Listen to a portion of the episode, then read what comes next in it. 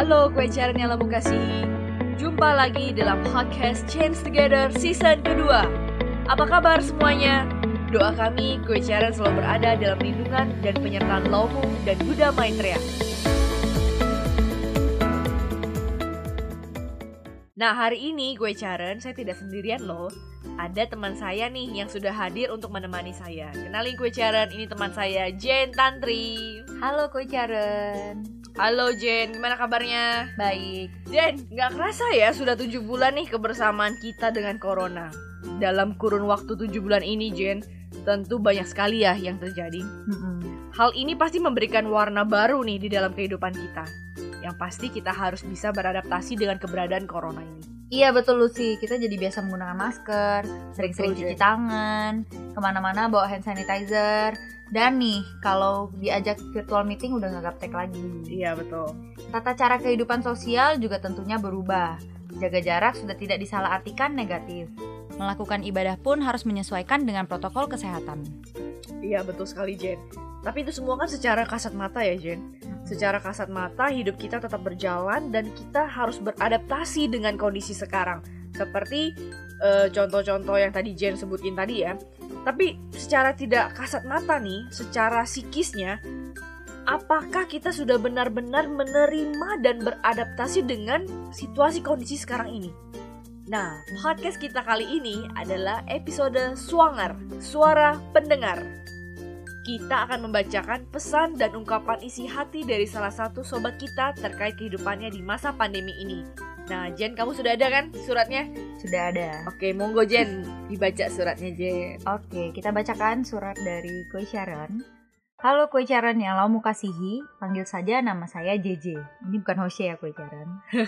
saya adalah seorang mahasiswa yang sedang ada di daerah asal, di rumah aja mengikuti kuliah online akibat corona.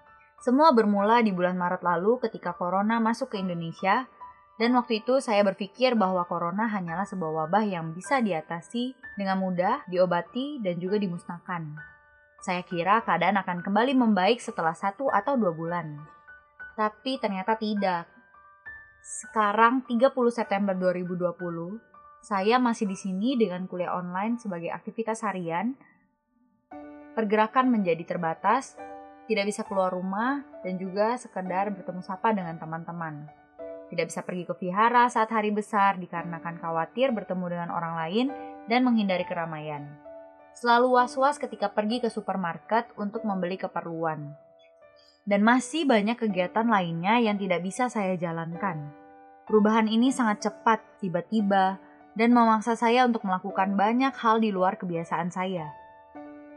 Jujur, saya senang bisa selalu dekat dengan keluarga saya di rumah.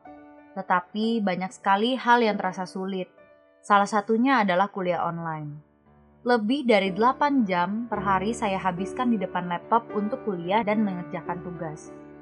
Tidak jarang, tugas terasa banyak sekali seolah-olah kami yang di rumah ini kurang kerjaan saja sehingga diberikan banyak tugas oleh dosen. Dan karena sitkon ini, jadi sulit bekerja dalam kelompok. Setiap hari kebanyakan saya habiskan di depan laptop saya dan tidak ada interaksi real dengan teman-teman. Bahkan saya bisa rindu loh bertemu dengan dosen saya yang killer. Semakin ke sini saya merasa tekanan menjadi lebih nyata dan menyesakkan. Terlebih saat ini juga kesulitan untuk pergi ke vihara. Kini rasanya jenuh dan hampa, tidak bisa ke vihara untuk bersujud dan berkarya bersama teman-teman di vihara. Saya merasa sendiri melalui hari-hari yang hanya bersama dengan laptop saya. Saya ingin kembali ke masa sebelum corona. Apa saya termasuk tidak bisa beradaptasi ya karena merasakan semua ini? Saya selalu berdoa semoga pandemi ini dapat segera membaik dan berakhir agar kita semua dapat melaksanakan aktivitas kembali dengan baik. Tapi dalam hati juga bertanya, sampai kapan kita harus menjalani semua ini? Ada ketakutan. Bagaimana bila suatu hari nanti keluarga saya yang terkena corona? Tripuci bila saya jadi curhat panjang. Stay safe and stay healthy everyone. Nah, terima kasih kepada JJ yang sudah mengirimkan surat pendengar. Gimana Lucy menurut kamu yang mendengarkan surat JJ tadi? Oke, sebelumnya Uh, ya kepada JJ yang sudah mengirimkan surat. Ini surat perdana kita loh Jen, surat pendengar perdana loh Jen. Betul sih. Oke, teruntuk JJ dan teman-teman semua, hmm, memang sebuah perubahan tidak selalu mudah kita terima. Apalagi yang sifatnya tiba-tiba, sifatnya cepat. Pasti sulit kita terima dan sulit bisa langsung menyesuaikan diri. Semua aktivitas sekarang ini memang menjadi terbatas. Dan sebenarnya semua orang rata kena dampaknya bukan hanya siswa yang menempuh studi saja yang kena, tapi yang sedang bekerja ya kena juga dampaknya. Yang baru lulus juga kena. Bahkan ibu rumah tangga yang notabene-nya itu ya di rumah aja ya, um, itu juga kena dampaknya. Pertemuan-pertemuan tatap muka real kita yang dulunya secara langsung berganti menjadi virtual meeting. Nah, tentu membawa suasana dan warna yang berbeda mungkin awalnya kelihatan keren dan seru ya Jen. Bisa always conference ini ya teleconference keren gitu ya. tapi sudah berlalu berapa lama um, jadinya mulai jenuh ya? Sudah tidak keren lagi tidak seru lagi ya? Itu karena memang sebenarnya sudah kodratnya manusia membutuhkan manusia lain. Sesepuh pernah menyampaikan yang bisa menggugah hati dan jiwa manusia adalah hati dan jiwa manusia yang lain kita butuh kehadiran orang lain dalam kehidupan kita. Nah, sekarang kita harus menjaga jarak, bahkan secara virtual. Tapi ini semua bukan berarti kita sendiri.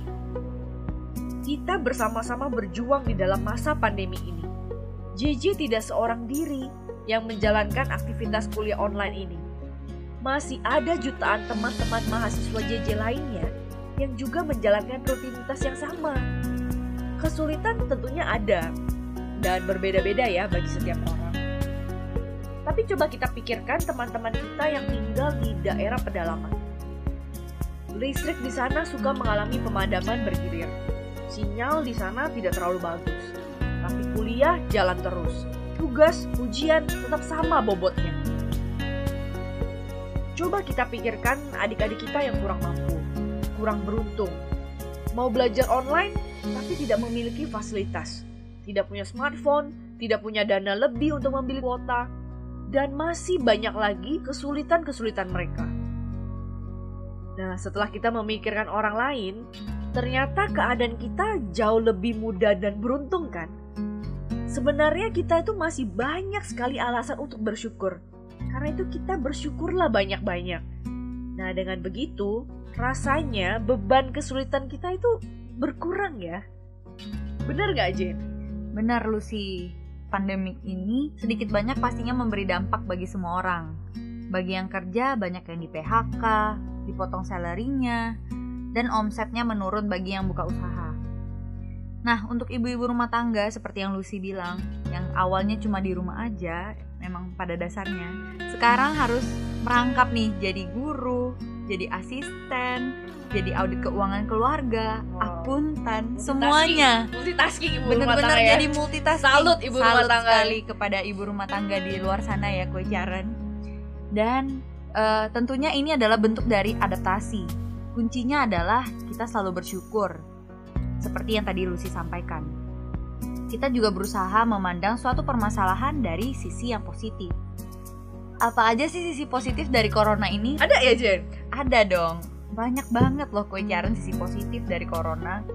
Dengan adanya pandemi ini, kita menjadi lebih dekat dengan orang-orang yang berada di sekitar kita. Contohnya, keluarga, teman satu kos, teman satu kontrakan, dan orang-orang di sekitar kita lainnya di mana pun kue berada. Mungkin sebelumnya kita terlalu sibuk dengan aktivitas kita. Kita sering mengabaikan keberadaan orang-orang terdekat kita. Tapi sejak pandemi ini, Bumi menjadi lebih sehat loh kue caran. Lapisan ozon terbentuk lagi. Sungai menjadi lebih jernih. Sampah juga jauh berkurang. Dan masih banyak lagi. Selama ini kita manusia sibuk sendiri membangun peradaban kita dengan mengesampingkan alam dan kehidupan lain. Padahal manusia ya bagian dari alam. Menyakiti alam sesungguhnya menyakiti kehidupan kita juga. Betul Jen, setuju banget saya sama kamu. Oh ya terkait tadi uh, Jaji ada ada sampaikan juga bilang kalau belum bisa ke wihara ya.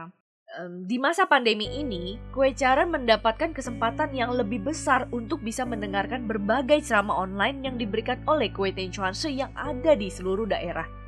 Dulu sebelum pandemi, kita nggak bisa kan mengikuti ceramah online tuh dari Jakarta, dari Medan, dari seantero Indonesia, bahkan dari Australia. Setuju. Sebelum pandemi nggak bisa ya. Tapi coba lihat sekarang, itu hal yang sudah menjadi hal yang wajar, yang biasa, yang ya sudah sehari-hari lah ya Jen ya buka buka buka Facebook langsung online buka Zoom, meeting, gitu itu udah udah biasa banget gitu. Em, hal ini tentunya merupakan sebuah kesempatan besar bagi kita untuk mengisi hal baik dan menyiram hati kita. Dengan hati yang penuh damai dan kesukacitaan, tantangan yang ada dapat kita atasi juga dengan sukacita. Tentu kita jangan lupa untuk bersujud dan bersyukur setiap harinya. Di masa pandemi ini, sesepuh memberikan restu untuk kita bersujud di rumah menggantikan sujud di wihara loh kue Charan. Bayangkan, sujud di rumah bisa menggantikan sujud di wihara di masa pandemi ini. Lomu, Milovo, dan Kue Charan sangat menyayangi kita Kue Charan sampai memberikan restu supaya kita bisa sujud di rumah. Kalau dipikir-pikir ya, sebenarnya masa pandemi ini justru lebih mempermudah kita dan lebih eh, banyak kesempatan kita untuk membina ketuhanan kan? Betul kue Sharon, pandemi ini memang sudah terjadi. Jadi kita tidak perlu membandingkan kondisi sebelum pandemi. Kita tinggalkan kenangan masa lalu sebelum pandemi dan kita terus maju. Sampai kapan kita ada di kondisi seperti ini? Berakhirnya pandemi memang masih menjadi misteri. Namun jangan jadikan alasan untuk mengakhiri sikap baik kita dan hubungan kita dengan Laumu. Justru sebaliknya, temukan kesempatan dalam tantangan kondisi sulit ini dan bangkitkan semangat dan panggilan dalam hati nurani kita. Iya betul kue Charan.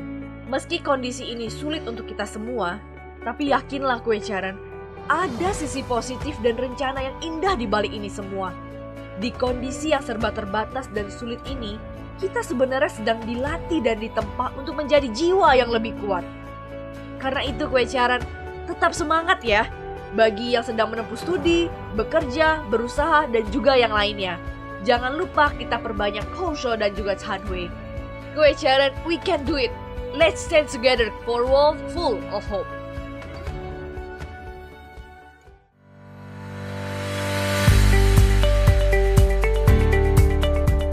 Kuicaran yang lo mau kasihi, sampai di sini podcast kita di episode Swangar, Suara Pendengar.